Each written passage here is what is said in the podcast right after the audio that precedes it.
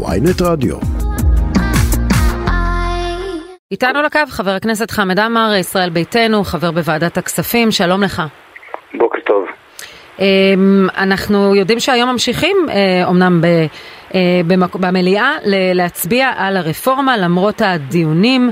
מה עמדתך? צריך ללכת לפשרה ולדון בזה, או כמו שאמר לנו הדובר הקודם, אין פשרה כשממשיכים את הדיונים? אני, אני חושב, אה, אתה לא יכול לקיים פשרה כשכבר אה, יושב ראש ועדת החוקה יצא מהנשיא והכריז בתשע בבוקר אני מתחיל את הדיונים.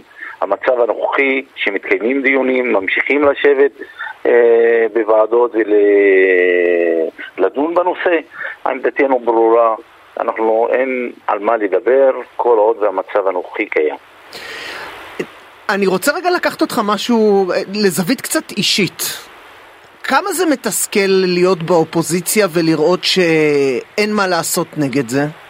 תשמעי, אני הייתי, אני חבר כנסת ותיק, הייתי בקואליציה, הייתי באופוזיציה, אבל מה שקורה היום במדינת ישראל ובכנסת ישראל, כל הכנסת מגויסת בשביל שני אנשים. כל הקואליציה מגויסת בשביל שני אנשים, בשביל דרעי וביבי.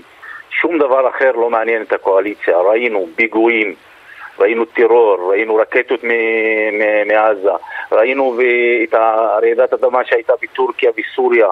במקום שיתעסקו בדברים החשובים שמעניינים את אזרחי מדינת ישראל, מה שמתעסקים היום בדבר אחד, כל הקואליציה מגויסת להציל את שני אנשים. אתה רואה, אבל גם מהלכים של אה, הכשרת המאחזים, אולי בעניין הזה יושב ראש המפלגה שלך, ישראל ביתנו, שגר עצמו בנוקדים, אולי דווקא כאן הוא מחזק את הקואליציה. אין, שני, אין, אין קשר בין שני הדברים. אתה יכול uh, לאשר מאחזים, אתה יכול לעשות את הדברים uh, כמו שצריך, אבל באותו זמן כל הכנסת היום, מדינת ישראל בנויה על שלוש רשויות. שתי רשויות חיים ביחד ועובדים ביחד וכאילו רשות אחת, זה הרשות המחוקקת והרשות המבצעת. היום הרשות המבצעת היא שולטת ברשות המחוקקת.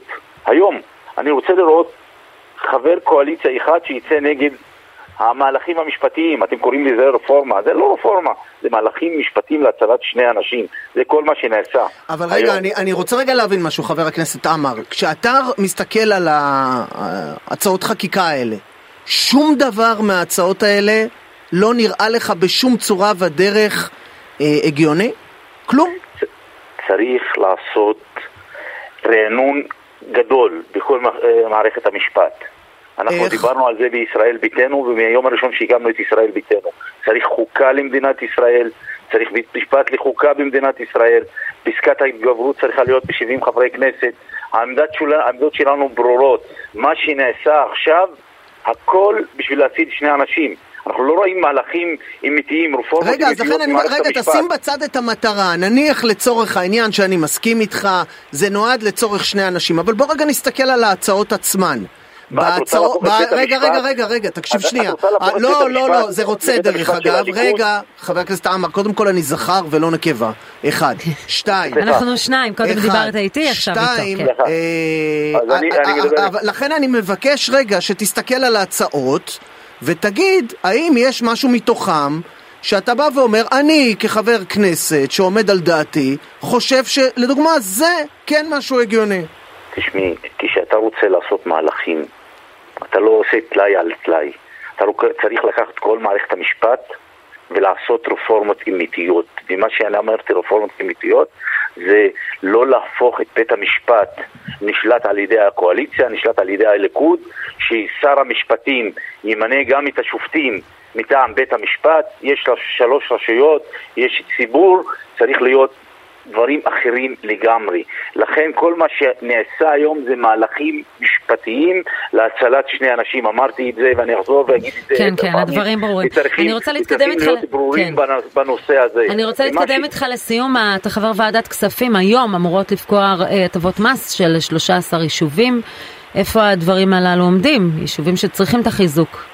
קיימנו דיון, הבטיח שבדיון הבטיח העוזר של שר האוצר רק בוא נזכיר את היישובים שבהם uh, היו הטבות מס עד היום. אה, אנחנו מדברים על עכו, על טבריה, על עוד אה, כמה וכמה יישובים, אה, אבו סנאן, דיר אל-אסד, אה, יש רשימה של יישובים שאמורים להכניס אותם.